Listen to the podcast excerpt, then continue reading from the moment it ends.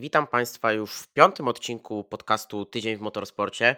Jak zwykle ze mną jest Grzegorz Piotrowicz. Witaj Grzegorzu. Cześć Piotrze, dzień dobry wszystkim. No i cóż, bez zbędnego przedłużania, bo tematów jest naprawdę dużo. Ten tydzień, ten weekend, który był i ten weekend, który jest przed nami, tak naprawdę obfituje w wydarzenia sportowe, obfituje w wydarzenia nie tylko w endurance, ale także w sportscarach i innych wyścigach samochodowych, więc zaczniemy tak naprawdę od tego, co było w ten weekend, czyli Six Hours of Portimao. Zaczniemy od WECA tak naprawdę. I jak, jak Grzegorz oceniasz ten weekend?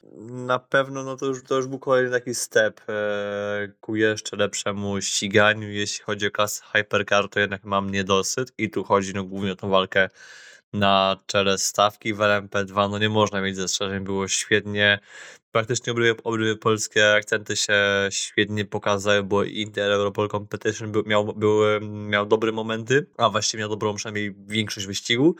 E, WRT z Robertem Kubicą też się świetnie pokazało, chociaż też tam były niedo, no, niedociągnięcia i też mogło być lepiej, ale ściganie było fenomenalne. W GT, a więc z kolei też mieliśmy świetną walkę, głównie na czele stawki, bo to między oczywiście Iron Dames, Corvette a jednym z AF Corse. Więc ogólnie jestem, ja myślę, zadowolony. E, cóż, no naprawdę kawał świetnego ścigania i w Europie oraz też e, w Long Beach mieliśmy, więc ja jestem ogólnie happy. Też jestem bardzo zadowolony. Też jestem zadowolony z tego weekendu na Portimao. W hypercarach, tak jak ty, mam dość mocny niedosyt, bo jednak Toyota jest, mi się wydaje, obecnie za mocna, bo ta, to okrążenie przewagi, które tam było, na koniec tego wyścigu sześciogodzinnego jest jednak czymś troszkę za dużo to jest i myślę, że tutaj ACO będzie musiało lekko zredukować Toyocie te, te możliwości do walki, aby tę stawkę, tę stawkę wyrównać, no bo jednak nie oszukujmy się, że to wyrównanie tej stawki tutaj w Hypercarach jest najważniejsze i do tego dąży FIA wraz z ACO. W klasie LMP2 no ściganie to ja zawsze uważam, że klasa LMP2 dojeżdża i jest na swoim poziomie. Muszę pochwalić Vector Sport, bo naprawdę ten weekend dla nich był bardzo dobry i gdyby nie ta awaria silnika Gibsona, no jak zwykle Gibson to Gibson, on zawsze padnie i najprawdopodobniej padnie albo cewka zapłonowa, albo świeca. Ale no cóż, no natury tego silnika nie oszuka się. To, ale już wracając do samego tematu, to Vector naprawdę pokazał, że ma tempo. Gabriel Obry w kwalifikacjach był tylko jedną tysięczną sekundy od pole position i wyrwał mu to, to pole position wyrwał mu Mirko Bortolotti w premie 63. Więc naprawdę dla Vectora brawa i tutaj, jak to napisałem też w swoim podsumowaniu tego weekendu, Claudio Berro wraz z Izotą Fraskini postawili na dobrego konia w tym wyborze zespołów, bo tam było naprawdę wiele zespołów, które by mogły tą, tę Izotę obsługiwać, a postawiono na Wektora i jest to dobry wybór i widać, że zespół Garego Holanda wie co robić i zna się na tym. Klasa GTA jak zwykle to no nic się nie zmienia, Corvette na czele, ale było naprawdę blisko i ten finish pomiędzy Nikim Katzburgiem a Alessio Rowerą to jest najwyższy poziom i widać, że mieliśmy do czynienia z dwójką kierowców GT, którzy wiedzą jak jeździć i to jest taki najwyższy poziom, więc Portimao mnie bardzo zadowoliło. Long Beach było trochę zaskakujące, no bo nie oszukujmy się, jednak już na początku wypada Cadillac Sebastiana Burde, tam problemy z hamulcami i później na koniec już ta rywalizacja pomiędzy Matieżem Minetem a Rickiem Taylorem. Ricky Taylor, który już się podpalił w pewnym momencie, wylatuje w pierwszym zakręcie banda. Porsche wygrywa pierwszy wyścig z modelem 963 BMW bardzo dobrze, znowu im plus, P2 załogi 25 po raz drugi z rzędu, P4 załogi 24, więc widać, że ten projekt BMW też się powolutku rozwija, a Cadillac jest dobry, ale widać, że czasami gdzieś mu czegoś brakuje i to też było widać na Portimao w ten weekend. Tak, właśnie odnośnie, e, najpierw może odnośnie BMW, taki mój komentarz, czy cały czas tu jest progres, zauważę, że póki Porsche oraz Acura nie odpalały w rotach takiego, takiego po prostu maksimum tempa, to BMW faktycznie było, było wraz z Porszakami trzymało się Porsche, on jest, normalnie siedzi na ogonie e, i w szóstce i siódemce jak najbardziej siedziała ta czołowa załoga BMW na ogonie, więc pokazali, że tempo mają. To, że nie mają takiego ultimatywnego tempa, takiego powiedzmy quali modu w, w, w trakcie wyścigu, to jest inna sprawa, ale samo to, że już e, są w stanie trzymać się z czołówką, a nie być takim przejściowym e, czymś pomiędzy LMP2 a GTP, to już jest dla nich e, jakiś sukces. Kolejne rundy to będą znów sprint. Oczywiście będzie długodystansowy Watkins Glen i ten wyścig dopiero pokaże, czy faktycznie BMW odrobiło pracę domową, ale no to wygląda zachęcająco właśnie dla tego projektu Wimsa, dla projektu WEC e, też myślę, że to pewnie budzi jakieś zachęcenia. Odnośnie Cadillaca to chyba właśnie w Portimao wydaje mi się, że przecenili chyba swoje możliwości zarządzania oponami, bo pomijając oczywiście akcję z Akurą w Daytonie, to Cadillac wykazywał się właśnie bardzo dobrym zarządzaniem oponami. Te opony bardzo dobrze im trzymały i byli w stanie chyba najwięcej, chyba bardzo często mogli robić e, triple stint właśnie w Daytonie, czy właśnie na Zebring, e, zarówno tym łekowym, jak i imsowym. Tamte opony trzymają się świetnie, nawet właśnie pod koniec stintu, nawet pod koniec drugiego stintu. To już jest e, czymś wielkim, natomiast tutaj w Portimao to wyglądało gorzej, tak tam e, na których chyba gdzieś tam w tej pierwszej połowie wyścigu e, samochód właśnie numer dwa przytrzymali na, ten, na tym samym komplecie opon, to on musiał chyba ten stint wręcz skrócić, by te opony po prostu zmienić, no bo okazywało się, że po prostu, że to tempo jest fatalne i tam z tyłu się odzywał Vanwall oraz e, Glick. To jest dla czymś e, zaskakującym. Tak, Richard Westbrook tutaj praktycznie narzekał przez radio i tutaj było skrócenie stintu i gdzieś Cadillac wypadł poza w ogóle ten rytm stintowy, gdzie zawsze to jest takie, że w hypercarach na koniec danej godziny jest ten pit stop albo na początek kolejnej, to tutaj Cadillac gdzieś w połowie godziny już musiał zjeżdżać do alei serwisowej, bo te opony po prostu w pewnym momencie na tym jednym komplecie on, on się poddał i przecenili swoje możliwości. Zobaczymy jak to będzie na SPA. Zobaczymy, jak to będzie też podczas Le Mans, bo jednak pamiętajmy, że pomiędzy Spa a Le Mans Cadillac też wykona test na właśnie na Portimao wspomnianym już. I zobaczymy tak naprawdę, co tutaj i Chip Ganassi Racing i Action Express Racing wyniosą z tych testów. I też na pewno im pomoże z dwoma autami, bo jednak dwa auta to więcej danych. No, mimo tego, że załoga numer 3 będzie miała tylko dwóch kierowców, bo będzie tylko Sebastian Wurde i Renger van der, Renger van der Zande, no to będzie tych danych dużo. Będzie tych danych na pewno więcej, aniżeli byśmy mieli tylko jedną załogę i trzech Tak, kierowców. e, tak, przy czym do Cadillaca bym jeszcze może na usprawiedliwienie takie dodał to, że e, w sumie to było tak, to oni mieli sporo nie wiadomo przed tym właśnie, przed tym wyścigiem, ponieważ e, z hypercarów to była jedna konstrukcja, która przed tym wyścigiem nie znała w ogóle tego toru, bo Van Wall chyba jakieś testy w Portimao miał nawet, jeśli nie to testował na torach podobnych Portimao, których mam trochę w Europie. Glickenhaus to był przynajmniej dwa lata temu na testach oraz na wyścigu. Toyota tutaj testuje dość regularnie. Eee, kto jeszcze? Porsche też miał, tu regular, miał tutaj parę testów, tak samo jak Ferrari. Natomiast y, i Peugeot też coś tam może, jeździł zimą. Natomiast y, Glickenhaus, y, on tego toru, fu, Cadillac tego toru w ogóle nie znał, więc dla nich też było to trudniejsze zadanie, po prostu poznać tor w ciągu tych trzech treningów. Dla nich wtedy każda minuta na torze była na, na wagę złota i no nawet gdyby te treningi wykorzystali efektywnie, to i tak mieli te parę dni mniej niż e, każdy z pozostałych producentów oraz prywaciarzy. Więc e, faktycznie to, tempo, to, co się pokazało właśnie ten na, na, na Portimao, też bym nie uznał tego za do końca miarodajne. Tak samo tego, że tak samo tego jak to, że Peugeot e, był w stanie walczyć z Porsche. No, Yy, będziemy oczywiście robili preview przed Lemą, ale pamiętajmy, że Portima pomijając swoją górkowatość, to to jest bardzo gładki tor, co bardzo mocno sprzyja koncepcji uzyskiwania docisku z podłogi. Lemą, pomijając tą część e, stałą, to ta część uliczna, no już taka gładka nie jest i tam na hamowaniach e, do szykan na Lezinodie oraz e, na prostej Mulsan no tam wesoło nie będzie. I to, że to, że tu będą dobre wyniki, czy na SPA będą dobre wyniki, to to jest jedna rzecz i to jest zachęcające, że Peugeot pokonywał Porsche, przynajmniej jedno Porsche, no ale na Le Mans no, może być trudno, ale do tego jeszcze dojdziemy. Wiesz, no tutaj w Peugeotie ten system zmiany biegów, który był testowany już w grudniu na Manikur, który został też wprowadzony tutaj. Zmiana zmianu, systemu zmiany biegów z elektrycznego na mechaniczny dała bardzo dużą zmianę, no bo P5 94 w wyścigu i P6 w kwalifikacjach. Wow, no to jest P5 i oni dojechali na P5 bez problemów. No gdyby nie problemy 93 i ta wymiana wspomagania, wspomagania układu kierowniczego, no to też może tam by 93 w okolicach P7 się zakręciła no to trzeba dla Peugeota tak. mówić, że to jest sukces jednak, no bo to będzie sukces dla nich i może to będzie taki czynnik, który ich popcha jednak, żeby zostać na przyszły sezon, bo Ja wiem, Grzegorzu, że ty masz to, że mówisz, że ten rok i Peugeot wychodzi z tego programu, ale ja mam nadzieję, że jednak ta poprawa już od Portimao, która może będzie zauważalna i ta poprawa na Portimao, która mam nadzieję się zaczęła, przytrzyma jeszcze Peugeota na jeden sezon i oni tą, tę konstrukcję do takiego momentu doprowadzą, że to będzie jeździć, chociaż ja wiem, że to może nie jeździ, no bo tak jak mówisz, tutaj są takie tory wyboiste, tak jak właśnie ta część uliczna w Le Mans, czy na przykład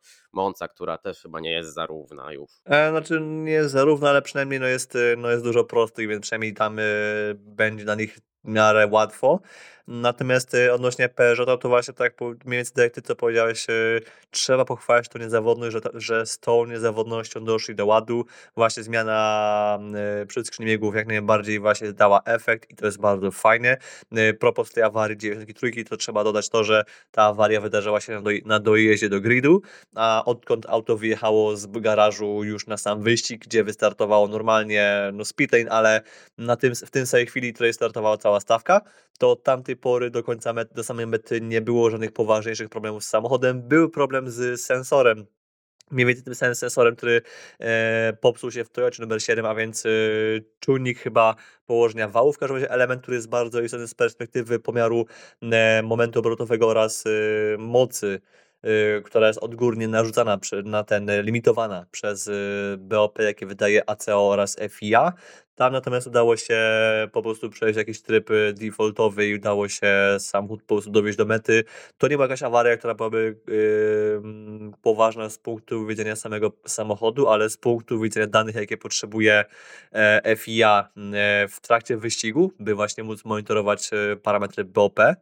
Y, no to ten, y, ten element mógł właśnie troszkę by Peugeota dobić, ale no pomijając to, to właśnie nie słyszeliśmy o niczym innym właśnie by coś poważniejszego się działo.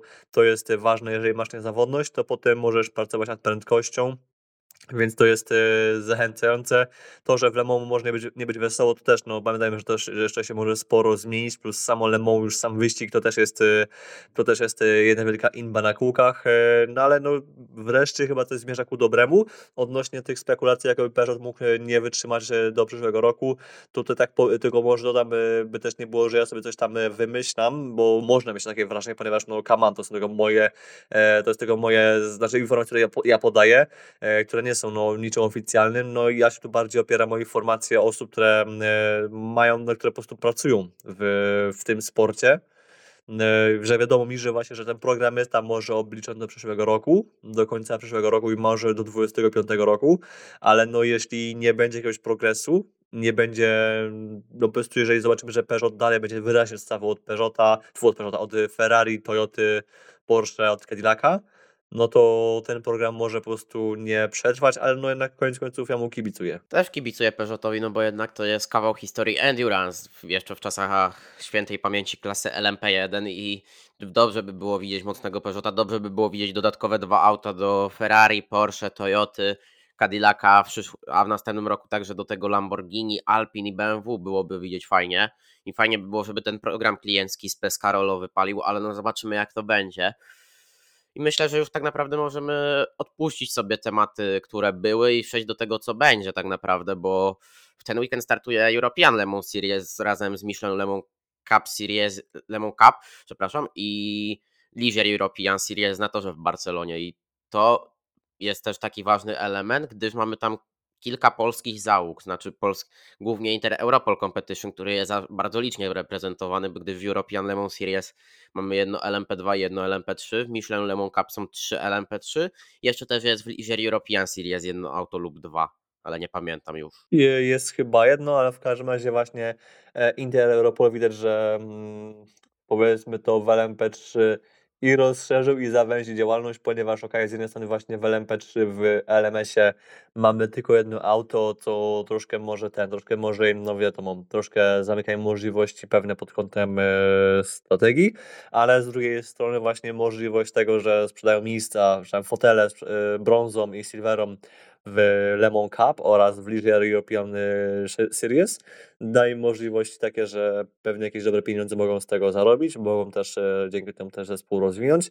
Miejmy nadzieję, że to się właśnie postawi, że to właśnie pójdzie że to pozwoli ekipie postawić e, krok właśnie w, w LMP2 oraz e, właśnie w WEC-u i w LMS-ie.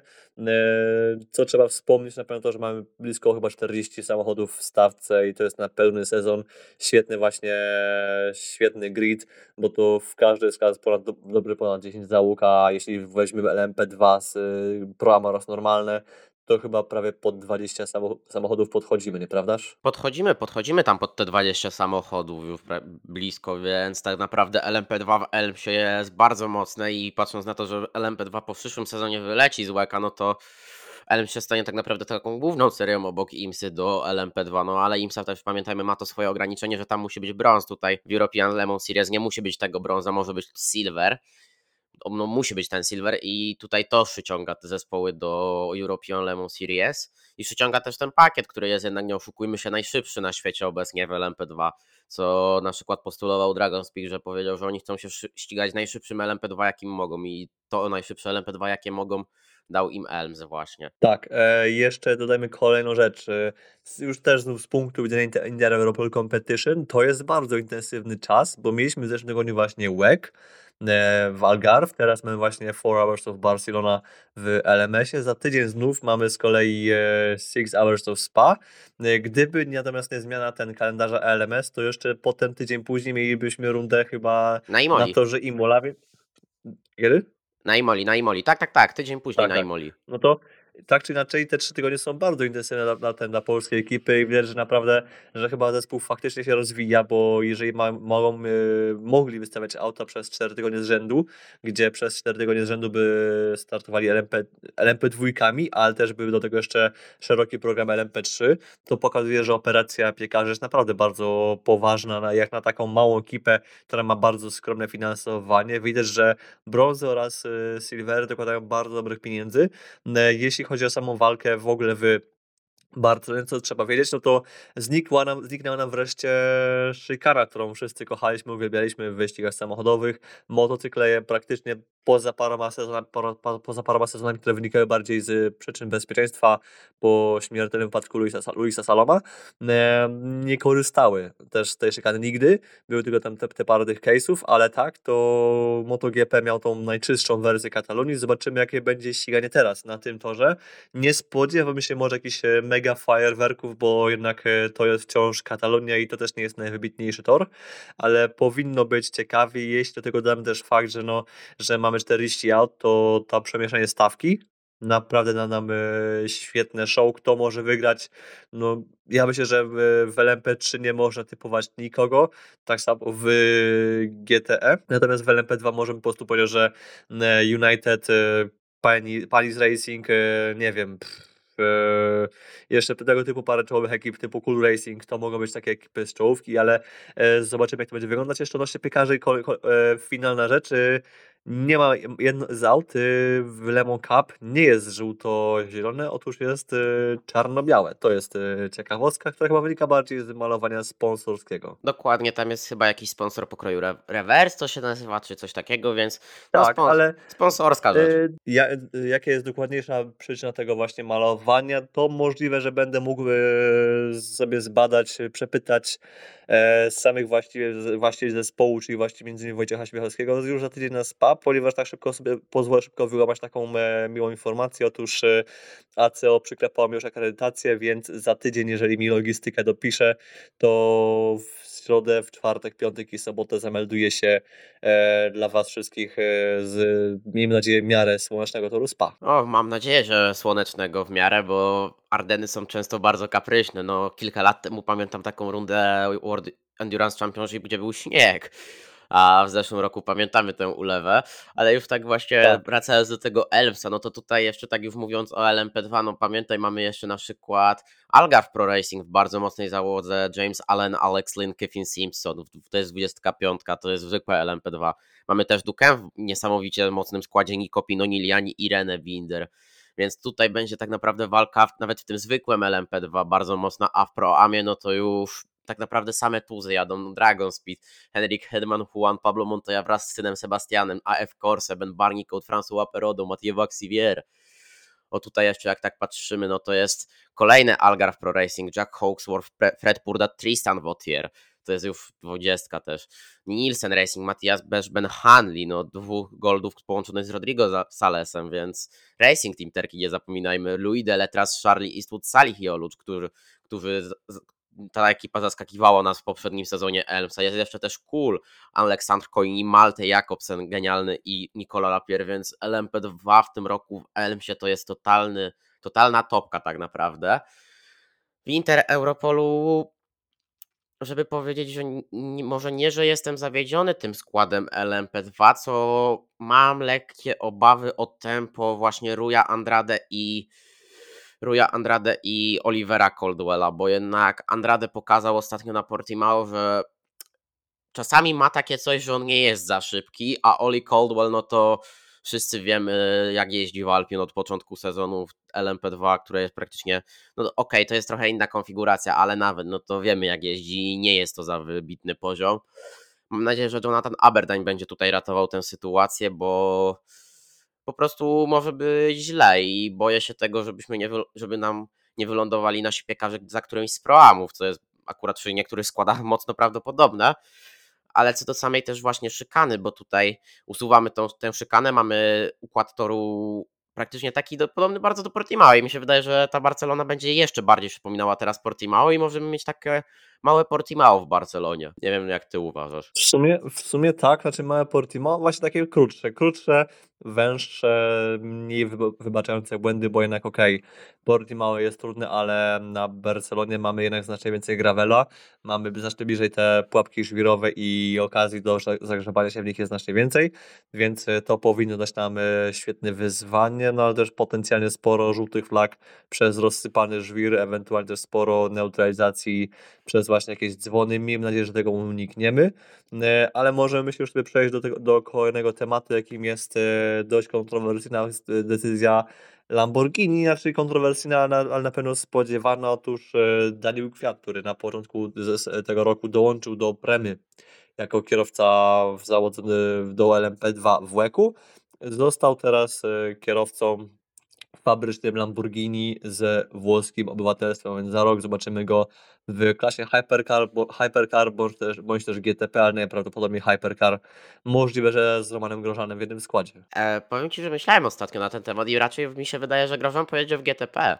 Bo tak nawet o tym ostatnio myślałem i dla właśnie ja widzę Grożana jako takiego trzeciego kierowcę obok Bortolottiego i Caldarelliego, jako kierowca w Ameryce, w tym właśnie w IMSie w Endurance Cup, jako taki popularity magnet że wiesz, że on będzie tak, tak przeciągał y popularność z IndyCar do IMSy. Tak, i biorąc pod uwagę to, że Grosjean chce łączyć właśnie to e, endurance ze, ze startami w IndyCar, to miałoby sens, ale ja pamiętam, że e, prasówka, e, prasówka Lamborghini, Lamborghini mówiła wyraźnie o klasie Hypercar w WEC, co byłoby dość trudne, ponieważ no, tam nam raz, dwa razy, chyba na pewno Fuji e, ma taką tradycję, że koliduje nam z którąś rundą właśnie IndyCar e, w USA, więc to mogłoby być problematyczne.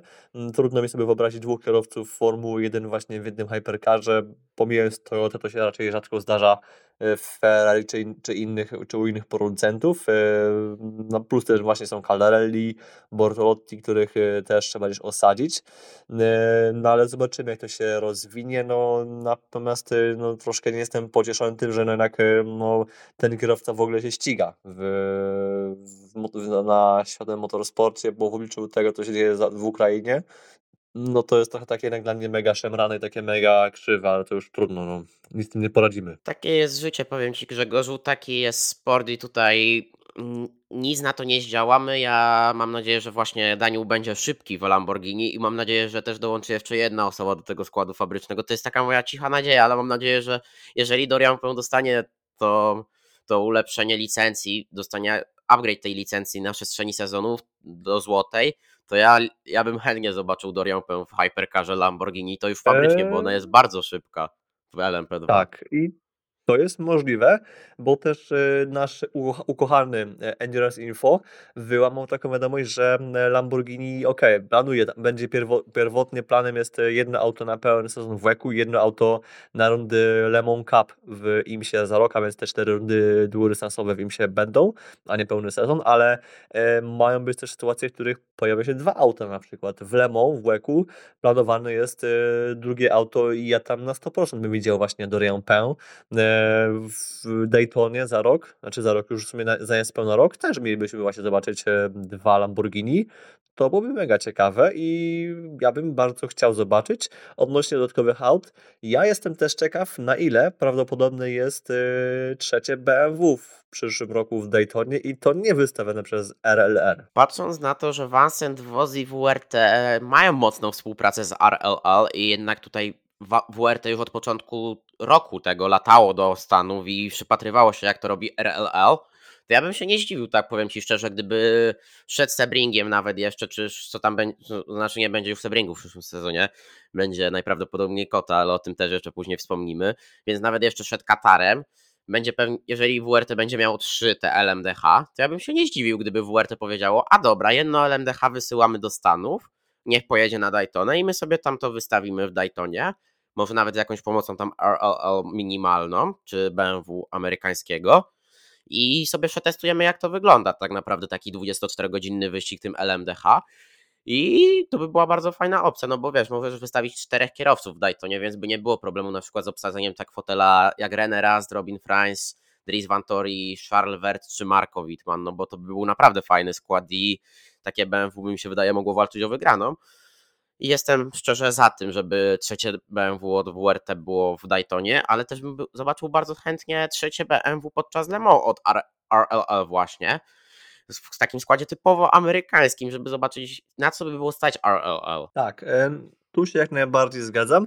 Plus też tym wszystkim pomaga fakt, że na rundy sprinterskie no, wystawiasz dwóch kierowców na załogę, więc nawet nie musisz tego, możesz yy, nawet jeśli ten rooster cały BMW byłby, byłby bardziej ograniczony, to i tak, i tak myślę, że prawie każdy kierowca zaangażowany, zaangażowany w projekt yy, M-Hybrid V8 znalazłby dla siebie miejsce w jednym aucie, bądź też y, łączone z dwoma autami, jak to robił, robił Colton Herta w tym roku właśnie w GTP, więc możliwości są. Oczywiście logistycznie jest to spore wyzwanie i tutaj tylko jeśli ktoś, nie, y, jeśli ktoś pyta o to właśnie ile kosztuje, kosztuje wysłanie sprzętu, to odsyłam do Arka, Arka Serobeckiego, który Ci powie o północy, w środku nocy o tym ile kosztuje wywóz y, sprzętu do Japonii na 8 Hours of Suzuka w FIM w EWC.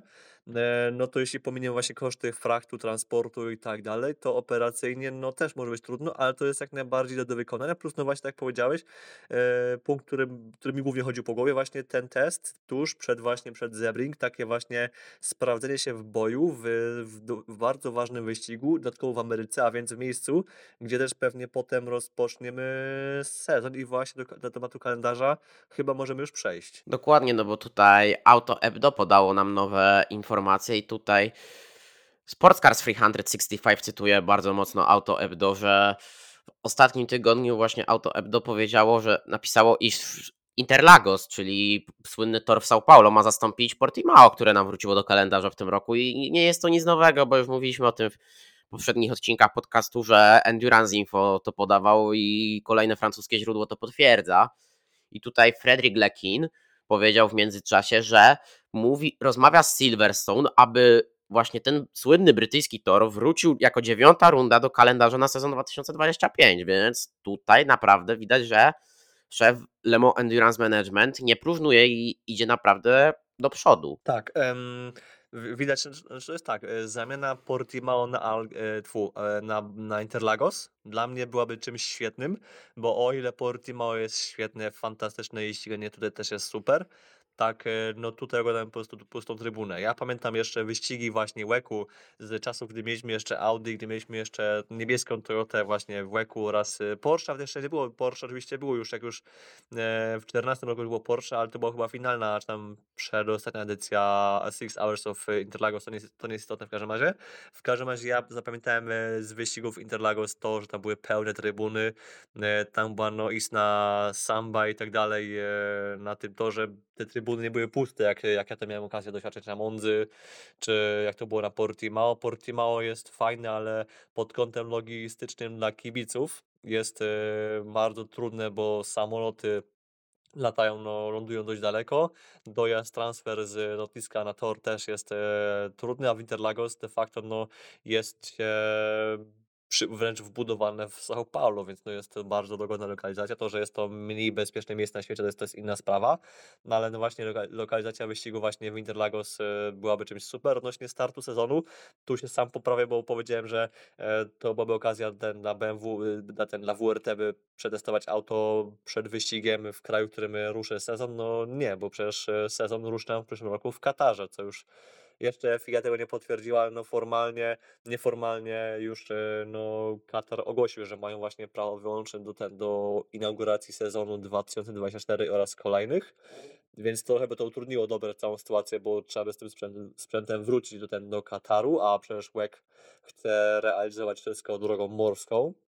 No ale no myślę, że jakiś tam procent szans jest odnośnie kalendarza, no to znów yy, najprawdopodobniejsza jest kota, ale szkoda, że nie udałoby się może zrobić rundy yy, amerykańskiej na Watkins Glen, yy, nawet w osobny weekend yy, nie IMSowy, bo też IMSA też jeździ na Watkins Glen, ale no wtedy jak musiałby jechać w inny, by móc jechać sobie w niedzielę, by to może jakoś ładnie wyglądało, ale no cóż, czasu jeszcze trochę jest, Wydaje mi się, że chyba najpóźniej gdzieś w okolicach Monzy dowiemy się, jaki jest e, kształt kalendarza. No myślę, że na Le Mans też możemy się dowiedzieć, ale ja bym powiedział, że do Monzy powinniśmy już wszystko wiedzieć. E, Frederick Leckim właśnie w tej rozmowie z AutoEbdo bardzo ciekawe rzeczy powiedział, bo powiedział, że potwierdził tak naprawdę ten start sezonu w Katarze i powiedział, że to będzie wcześniej w marcu i powiedział, że kalendarz zostanie ogłoszony podczas 24 Hours of Le Mans, czyli myślę, że to będzie ta słynna piątkowa konferencja. Tam jest ten piątek to jest dzień przerwy i to jest właśnie konferencja dla co pamiętam tą,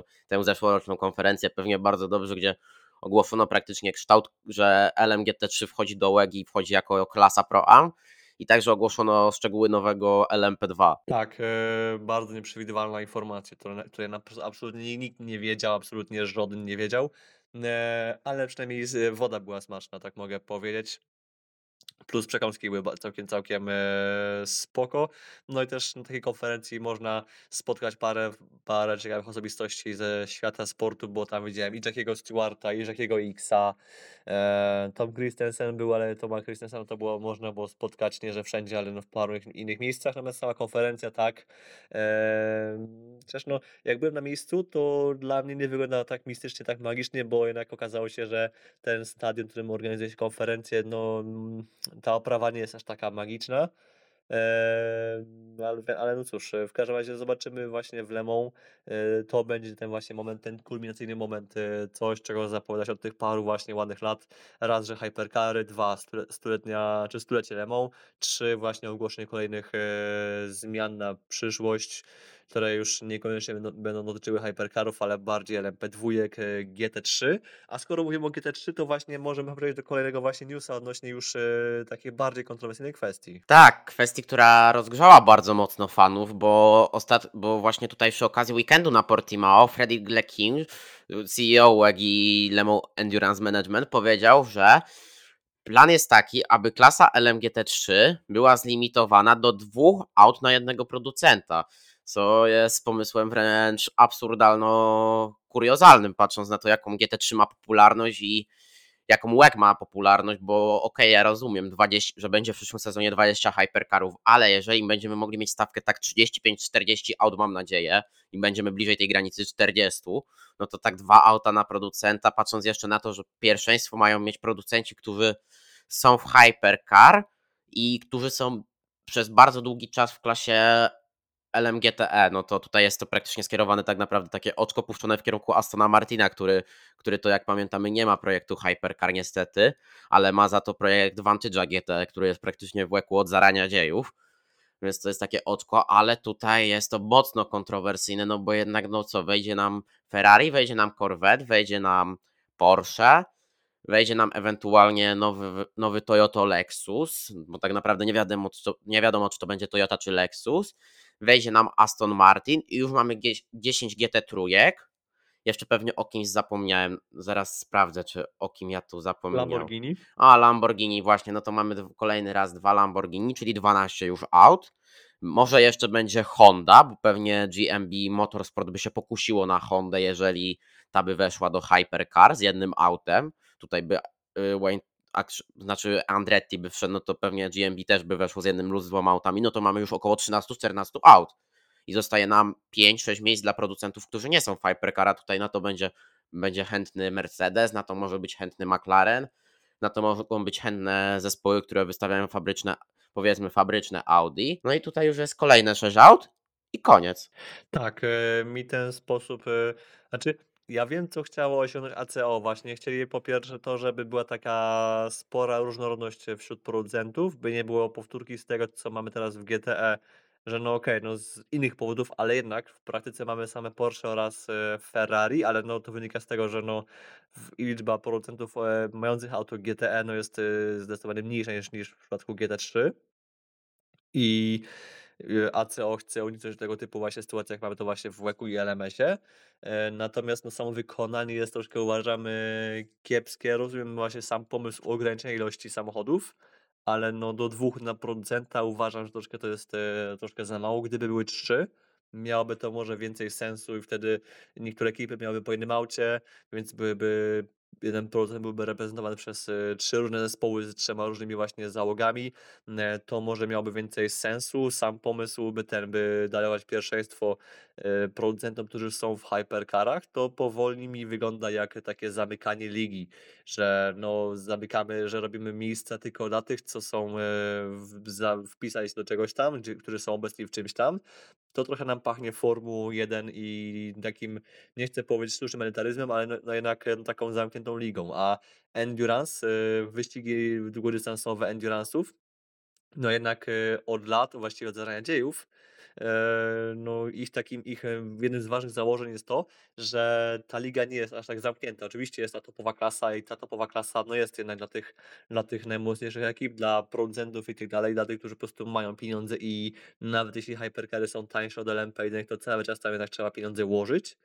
E, No ale te klasy niższe, powiedzmy to właśnie LMP2 czy klasa GT, którą za rok będzie GT3, nie powinny być aż takie limitowane do tylko do tych producentów, którzy są, którzy są obecni w hypercarach. Powinna być większa otwartość, no i jednak z tego powodu powinniśmy móc zobaczyć za rok Audi, Mercedesa, chociaż Mercedes wiadomo, że no Le i Mercedes to tak nie za bardzo, ale w GT3, pamiętam w zeszłym roku, jak najbardziej byli chętni wstępnie, żeby się właśnie w WEC-u i w Le Mans pojawić, więc y, czemu nie? Jeśli, jeśli jakiegoś producenta pominąłem McLaren, no właśnie McLaren, jeśli nie w, nie w hypercarach, to przynajmniej właśnie, żeby w GT3 byli właśnie tutaj obecni. Uważam, że powinni mieć tam jakąś możliwość wstępu. Tak, jak sam limit jeszcze jestem w stanie zrozumieć, no bo jeszcze o BMW zapomniałem, jak tutaj wymieniałem, to już jeszcze do 13 dokładamy, więc już jest 15 tych aut lub nawet 16, no to tutaj sam limit tych dwóch aut, jeszcze jeżeli tutaj każdy producent by skorzystał z dwóch aut, no to ja jeszcze jestem ten limit w stanie zrozumieć, no bo okej, no bo tutaj po dwa auta na producenta, patrząc, że będziemy mieli blisko 20 hypercarów, chociaż no to też wtedy w takim wypadku bym wyrzucił takie projekty jak z bólem serca bym wyrzucił, ale bym wyrzucił projekty pokroju Glickenhaus i Vanwall, no bo one nie wnoszą za dużo do stawki, a zabierają właśnie te dwa cenne miejsca dla jednego producenta w GT3. Jeżeli tutaj każdy producent by skorzystał z tych dwóch miejsc, okej, ja ten limit jestem w stanie zrozumieć, ale tę, tę priorytetowość, no to już trochę tak średnio, patrząc na to, że ja bym raczej postawił tutaj na to, żeby wpuścić jak najlepsze zespoły, a no tutaj w przypadku Mercedesa mamy Haupta, czy mamy Grafa, czy mamy HRT, no to mamy tutaj naprawdę takie topowe zespoły GT3. E, W przypadku BMW wpuszczenie WRT w GT3 to by była ciekawa rzecz i tutaj no to też No jest topowy właśnie. zespół. W Audi Comtoju Mm. czy Tresor Orange One. Właśnie tutaj y, zgłoszę kolejny właśnie problem, też to, to właśnie to, co wynika z Twojej powiedzi. Y, większość producentów ma swój główny fabryczny zespół, nie? Ale właśnie BMW, o którym wspomniałeś, no mają z jednej strony mają WRT, mają Row Racing, mają, y, mają ten e, Walkenhorsta, więc no dwa auta, no to który z nich dostanie miejsca, ka każda z tych ekip jest y, mocna. Więc faktycznie też bym poszedł w kierunku tego, by byli jak najmocniejsi, y, najmocniejsze ekipy i żeby już to selekcjonować po swojemu ewentualnie. Ale odgórne narzucanie ilości producentów, znaczy ilości aut na producenta jest troszkę moim zdaniem właśnie takie nie do końca fair. Y, Tyle dobre, że jeszcze no w LMS-ie może będzie większy luz, no bo tam e, no nie można zlimitować tego do, do ilości aut, które są w hypercarach, bo w LMS-ie hypercarów nie ma, więc e, może tam to będzie jakoś prościej wyglądało i tam będzie jakaś większa swoboda.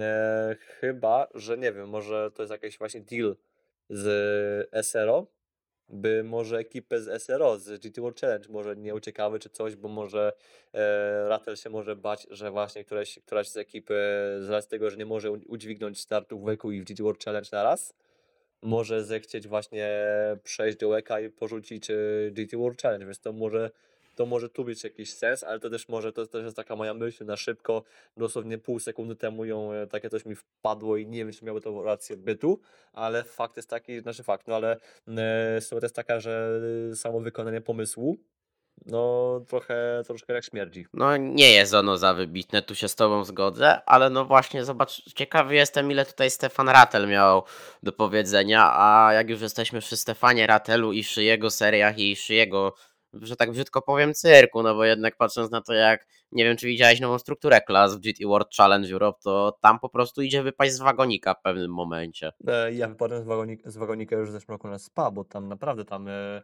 miałeś klasę główną, miałeś klasę Silver, miałeś klasę Gold, klasę Bronze, klasę jakoś tam jeszcze.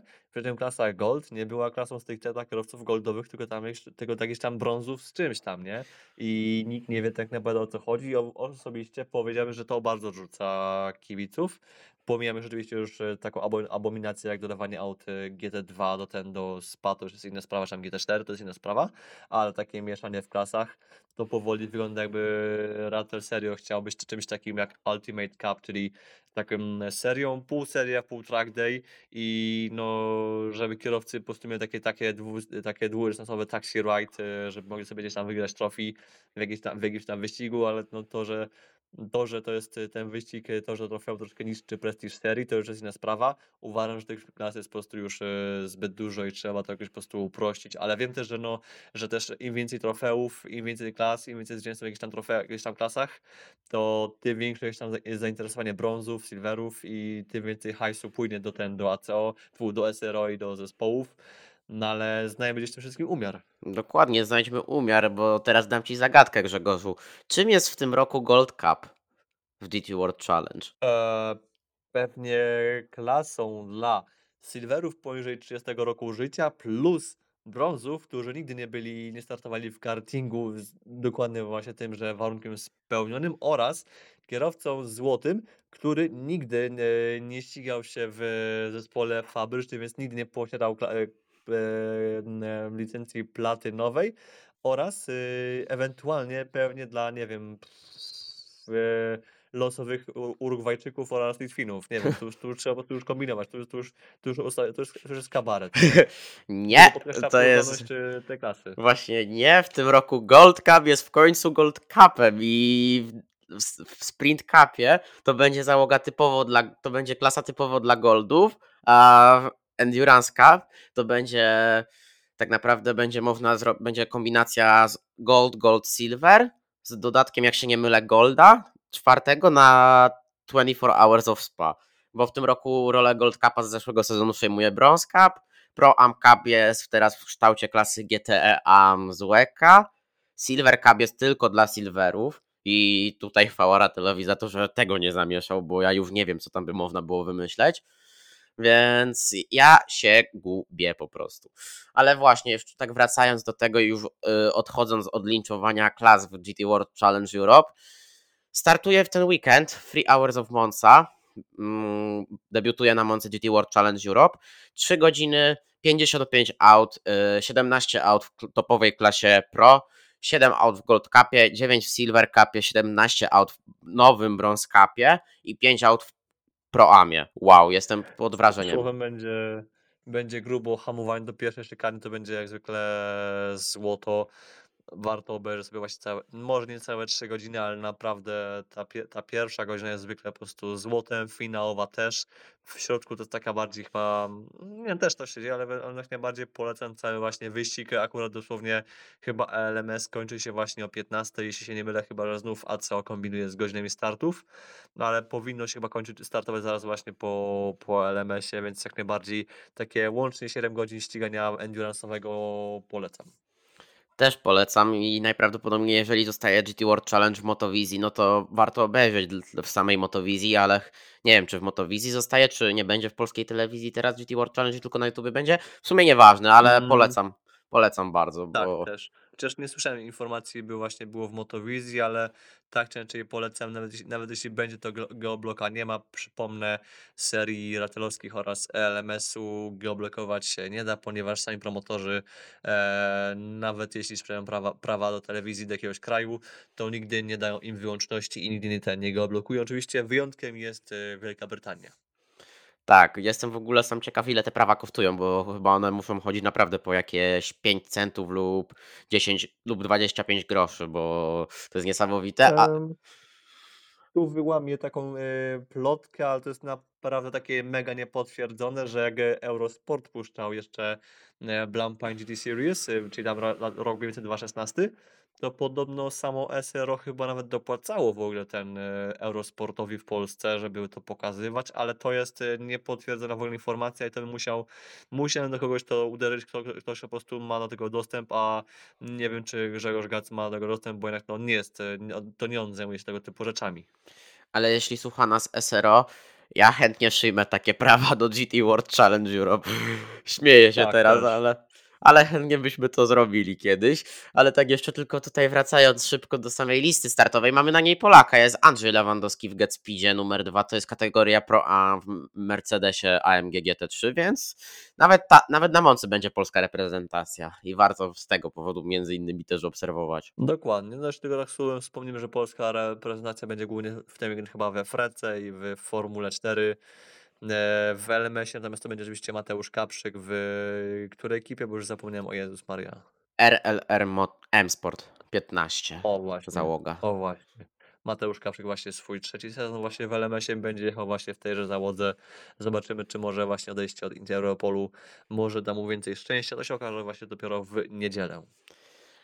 Tak, i myślę, że tutaj, jeżeli jesteśmy przy tematach GT3, to jeszcze tak wrócimy na chwilkę do klasy Hypercar, bo Maxi Gyc powiedział, Maxi Gyc już tutaj, Jim Glickenhaus uchylił nam rąbka tajemnicy, iż, iż Maxi Gyc nie pojawi się na SPA wraz z Glickenhausem i tak samo w 24 Hours of Le Mans, gdyż zabrakło sponsora.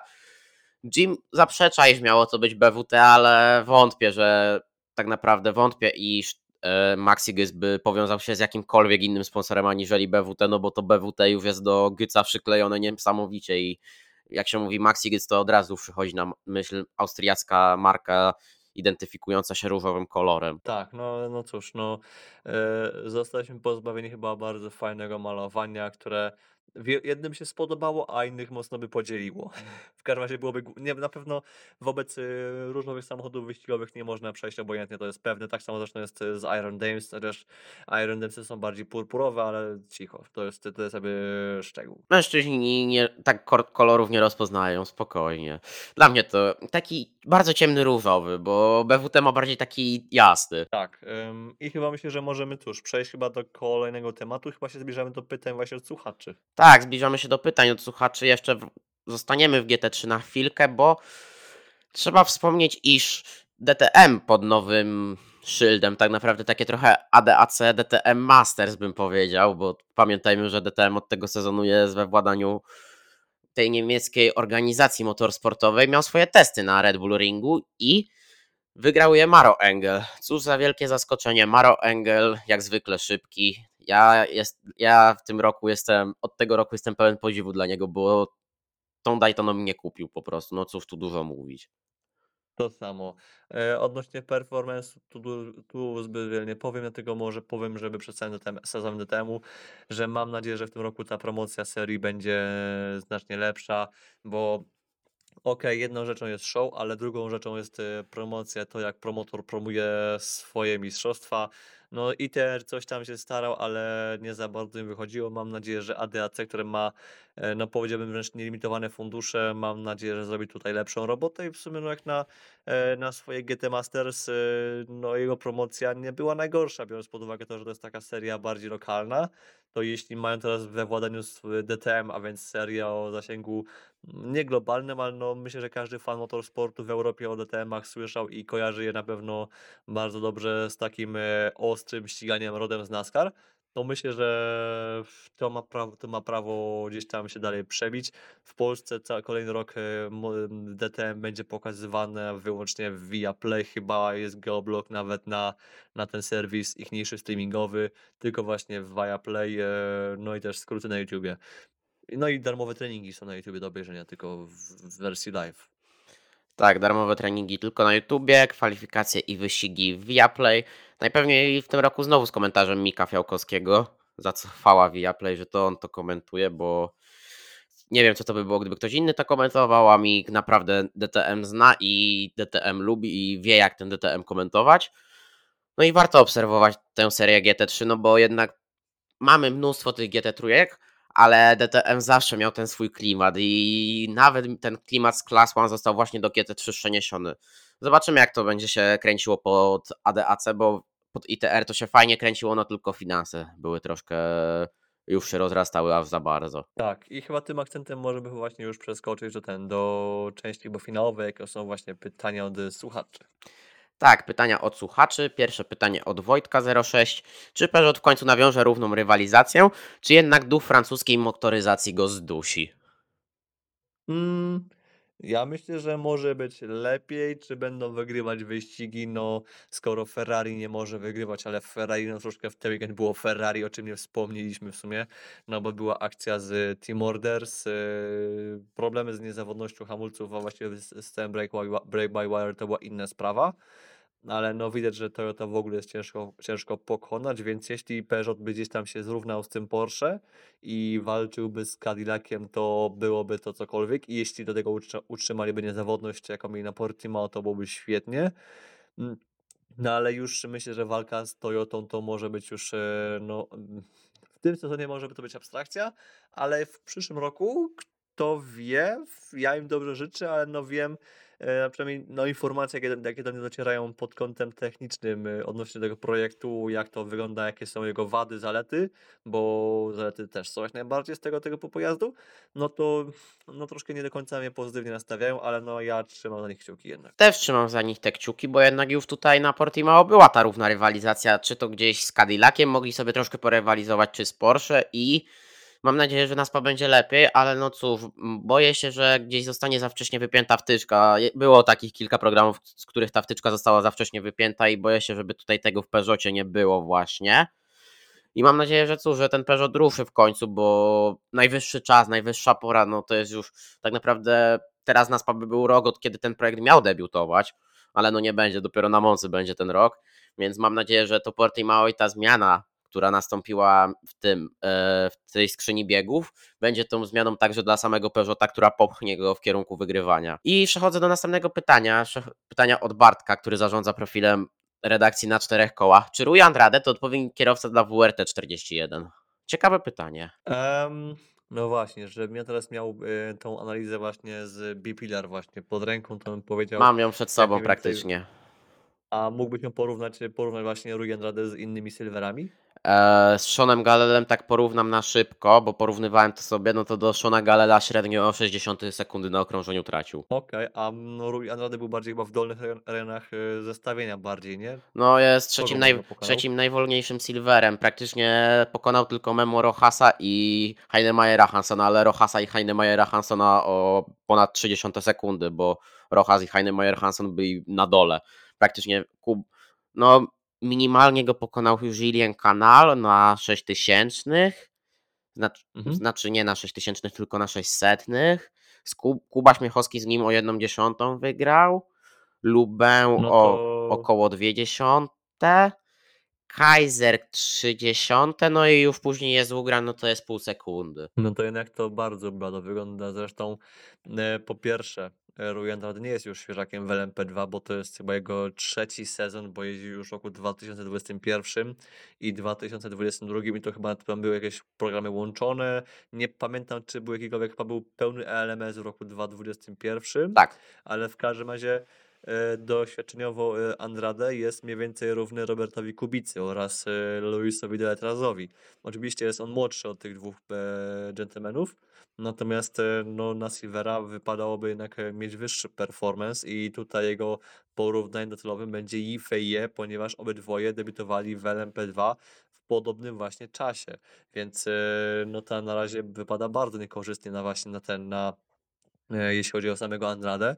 E, Ja bym może dał mu jednak szansę, no wiadomo, że sezon WEC liczy tylko 7 rund, więc tego czasu zbyt wiele nie ma, ale ja może bym poczekał właśnie do rundy LMS-u, do rundy kolejnej WEC, więc ja myślę, że w przyszłym tygodniu, w przyszły następny weekend, właśnie po SPA, gdy już właśnie będziemy wiedzieć, wiedzieć jak wygląda w tym roku e, Andrade w WEC-u, jak on wygląda w LMS-ie z piekarzami, będziemy mogli powiedzieć chyba jeszcze więcej, bo będziemy mieli sporo doświadczeń z tego roku, plus będziemy to mogli zesta- zestawić ze zeszłym rokiem. E, Moja końcowa opinia, to nie jest fakt, fakt, tylko po prostu moja opinia, jest taka, że ch- chyba jednak Andrade to nie jest chyba do końca to. Wydaje mi się, że no jasne, stara się chłopak i doświadczenia mu nie można odmówić, natomiast prędkość no jednak to jest coś, czego mu brakuje. Zresztą start jego e, na Portimao, bo Andrade startował, znaczy otwierał właśnie e, wyścig na WRT 41, no był fatalny, bo no nawet Kuba Śmiechowski w Inter Europolu, którego no jednak bardziej rugamy niż chwalimy, radził sobie bardzo przyzwoicie. Siódme miejsce po starcie z czwartego to nie jest najgorzej. W każdym razie Kuba po tych dwóch, dwóch i pół stintach, czy tam półtorej stincie, e, nie był na końcu stawki, a no jednak no, mm, że powiem, Kuba nie jest e, kierowcą aż takiej klasy. No jednak to jest, nawet jak na Silvera nie jest naj- najwybitniejszy, a jednak e, mniej więcej to auto trzymał, a Andrade no stawkę zamykał w LMP2, więc no to, to, to, to bardzo źle wróży na przyszłość. Właśnie jeszcze sobie odpaliłem Bipilara z Sebringu, bo tak mi powiedziałeś tutaj, że też miałem powiedzieć, że tutaj nawiązać do tego, że pewnie jak siądziemy po spa nagrywać podcast i będziemy mieli już Bipilara czy to z Elmsa, czy z Łeka będziemy mieli to porównanie, no to będziemy mogli mówić, ale ja sobie specjalnie jeszcze Sebring tak na szybko odpaliłem, no to tam Andrade też nie było rewelacji, no bo jednak w porównaniu do Shona Galela, no bo będę porównywał jednak Silvera do Silvera w tym samym zespole, to jest strata 40, więc ta strata na poziomie pół sekundy do Galela się utrzymuje, a sam Galel też nie jest za wybitnym Silverem. No a na przykład tak. To znaczy, em, odnośnie Galela, tak przerwę, no jednak y, ja mam troszkę jednak obiekcję, bo okej, nie jest, znaczy Galel nie byłby najwybitniejszy na kierowcę Formuły 1, nie? E, natomiast jeśli byśmy mieli powiedzieć, że kierowca e, drugiej ligi Endurance, w sensie, że nie, że Endurance jest drugą ligą, tylko że chodzi o kierowcę klasy LMP2, a więc klasy powiedzmy no, fiderującej hypercarom, no on jak na Silvera jest y, nie że super Silverem, ale jest y, solidnym kierowcą, który no bądź co bądź jednak no czołuje w tych y, zestawieniach właśnie Silverów. No i no ile w F1 no raczej nie dalibyśmy w ogóle szans, tak tutaj w, w LMP2 no naprawdę bardzo mocno bryluje, plus y, no jednak Andrade ma mniej doświadczenia w ogóle w motorsporcie, a GLL ma wiele, wiele lat właśnie w GP2, F2, ma też właśnie wyjeżdżone sporo już właśnie w LMP2, więc możemy porównywać y, cyferkami właśnie obydwu panów, ale jednak no to co ma GLL już ten bagaż doświadczeń, to no jednak daje mu sporą przewagę, no ale jednak końcowy rezu- rezultat jest taki, że no Andrade porównując go z Infeje czy z kimkolwiek innym, no trochę średnio jednak dowodzi. Mm, Porównam go z, na Sebringu, go porównam z takim Frederikiem Lubenem. No, wiesz, Luben 19 lat, tak naprawdę pierwszy sezon w LMP2, ok, United, to jest inna sprawa, ale jeżeli blisko o 80 sekundy cię robi człowiek, który dopiero w tym LMP2 debiutował na Sebringu, no to coś tu już jest nie tak, mi się wydaje. I tutaj naprawdę zobaczymy po spa. Mi się wydaje, że z, taką, z takim werdyktem bym zaczekał po, po tym, co będzie na spa, ale może być też tak, że Rui Andrade jest tylko w WRT, żeby wnieść finanse. No tak, ale jednak y, jest cały właśnie rynek dobrych silverów, mocnych silverów, tak, nawet tak zwanych super silverów, e, których się tam wyławia z LMP3 i specjalnie się tam przepycha do LMP2, bo w LMP3 okazuje się, że, są zbyt szybcy i pod, potem przez nich trzeba demolować w ogóle przepisy sportowe w Le Mans Cup na przykład, jak to miało miejsce w roku 2021. E, no to jednak takich kierowców tam kilku jest i w WRT ma co zaoferować. Mm, ja myślę, że nawet e, ściganie się na WRT jest bardziej atrakcyjne nawet jako Silver niż, niż dla Uniteda, bo jednak United nie ma perspektywy bycia w hypercarach, a WRT taką perspektywę daje. No i jeśli jesteś dobrym Silverem, no to możesz tam pokazać i no zresztą i FIE po roku właśnie startów e, w WRT wyskoczył no, do Volkswagena, w sumie do Porsche. No, mógł wyskoczyć do Audi, ale no, wzięło go Porsche, plus potem okazało się, że Audi się zwinęło, nawet nie, nie wystartowało. No i cóż, i Feje już, już jest ten. Za tydzień debiutuje w hypercarach, nie? A Tak. tymczasem Andrade, który ma podobny experience, podobne doświadczenie, no jest pod, znajduje się pod y, lekką krytyką jednak. No Że i tak brzydko powiem, kopie się po czole. Dokładnie. A tak jeszcze co do tych właśnie super silverów, to powiem ci, że dla mnie właśnie tutaj, tak jak już nawet patrzę sobie na, czy to na LMP2, czy na GTE AM, czy to na LMP3, no to już powiem ci, że na przykład taki Filip Ugran mi wpada w oko. Josh Pearson to jest już inna sprawa, ale Ugran to może być super silver. Jeszcze tak patrząc na GTE AM, w końcu może Nico Barrone się wybije i też Corvette pokaże, no bo pokazuje w tym roku w Corvette, że ma tempo. Przepraszam, i mi się wydaje, że tutaj też może gdzieś się wybić z tego Silvera.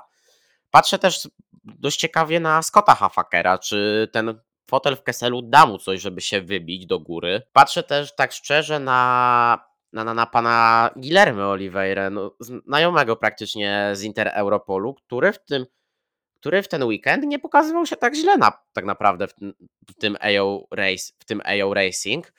w 56 Project One, więc też myślę, że tutaj na to nazwisko będzie trzeba zwrócić uwagę.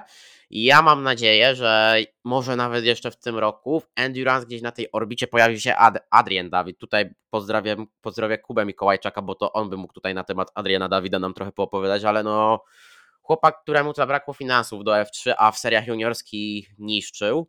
Był naprawdę w topce serii juniorskich i gdyby taki Silver wszedł teraz do LMP2, to mi się wydaje, że on by zaczął niszczyć po prostu. Też, no właśnie, też uważam, że Kuba tu mógłby więcej powiedzieć, ale no faktycznie gość ma potencjał i szkoda, że nie dało mu się tam, no ale cóż, e, ja uważam, że no jednak, e, no cóż, no jak, jak tutaj to po prostu w Endurance'ach też można świetną karierę zrobić. Ja myślę, że David może jak najbardziej tu się nam bardzo fajnie pogadać, no ale jednak dajmy mu, dajmy może mu zabłysnąć, e, nie hypujmy chłopaka, zanim tu się nam pojawi. Dokładnie. I przejdziemy jeszcze do pytań, które nam zostały z zeszłego tygodnia, bo tutaj e, Re- RaceDriver.pl napisał Rogalski jednak idzie w Endurance, no bo przypomnijmy, że Robin Rogalski będzie jeździł w Prototype Ga- Cup Germany, będzie łączył LMP3 z jazdą w GT3. Jakie są jego perspektywy w DKR? ten program to jest taki troszkę, um, powiedziałbym taki, no, że nie na pół gwizdka, ale taki skromny, no bo to jest tylko są starty w Prototype Cup Germany, a więc powiedziałem takiej, no, serii takiej, no jednak e, dla no, już silverów, brązów, bo go- gold tam nie ma co, nie, nie miałby co robić, E, plus ten start w Le Mans, w Road to Le Mans w ramach e, Le Mans Cup. To jest taki program, myślę, że taki na początek, nie? No, pewnie będzie dołączył właśnie z GT3 i to byłoby super. Jeśli byłoby to tylko LMP3, to też super. Ważne, żeby to LMP3 właśnie gdzieś było, no bo jednak e, w wyścigach GT, no na razie perspektyw, najwyższą perspektywą jest to, że no okej, wygrasz Badust, wygrasz e, Daytonę w GTD Pro, wygrasz e, Le Mans w GTAM, ale jednak kierunkiem są prototypy i fajnie by się było właśnie rozwijać e, w tę stronę i mam nadzieję, że Robinowi to się uda, ale no biorąc pod uwagę to, że z finansowaniem może być ciężko, to troszkę może tego czasu upłynąć. Nie wiem, nie wiem, tr- trudno powiedzieć, ale w każdym razie bardzo fajnie, że jednak są te prototypy, bo myślę, że Robin jeszcze będzie musiał parę się cisnąć, żeby w ogóle do GT World Challenge w ogóle wejść, nawet y, żeby być w klasie si- silverowej.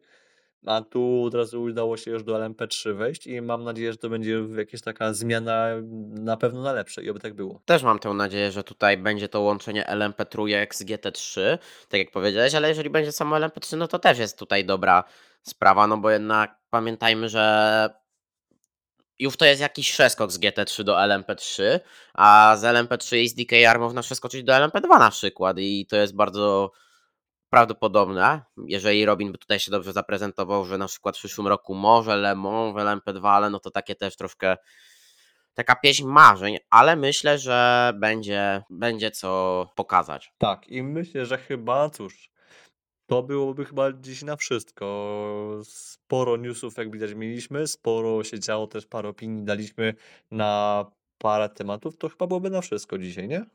Tak, to będzie już wszystko na dzisiaj.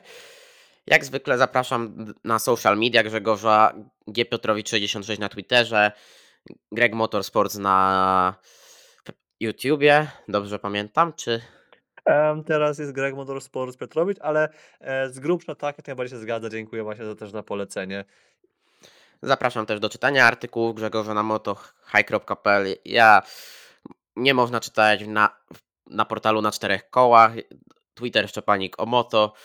I cóż, słyszymy się za tydzień i pozdrawiamy Państwa i życzymy miłego tygodnia, udanego i udanego i takiego spokojnego. Jasne, właśnie życzę miłego tygodnia. Chyba za tydzień słyszymy się może wcześniej, bo też e, skoro będę na tym spadł, to też troszkę kwestie logistyczne mogą wymusić też troszkę przesunięcie nagrywania w czasie, ale to myślę, że też poinformuję Was w stosownym momencie. Na ten moment dziękujemy, do usłyszenia. Miłego weekendu z wyścigami. Do usłyszenia.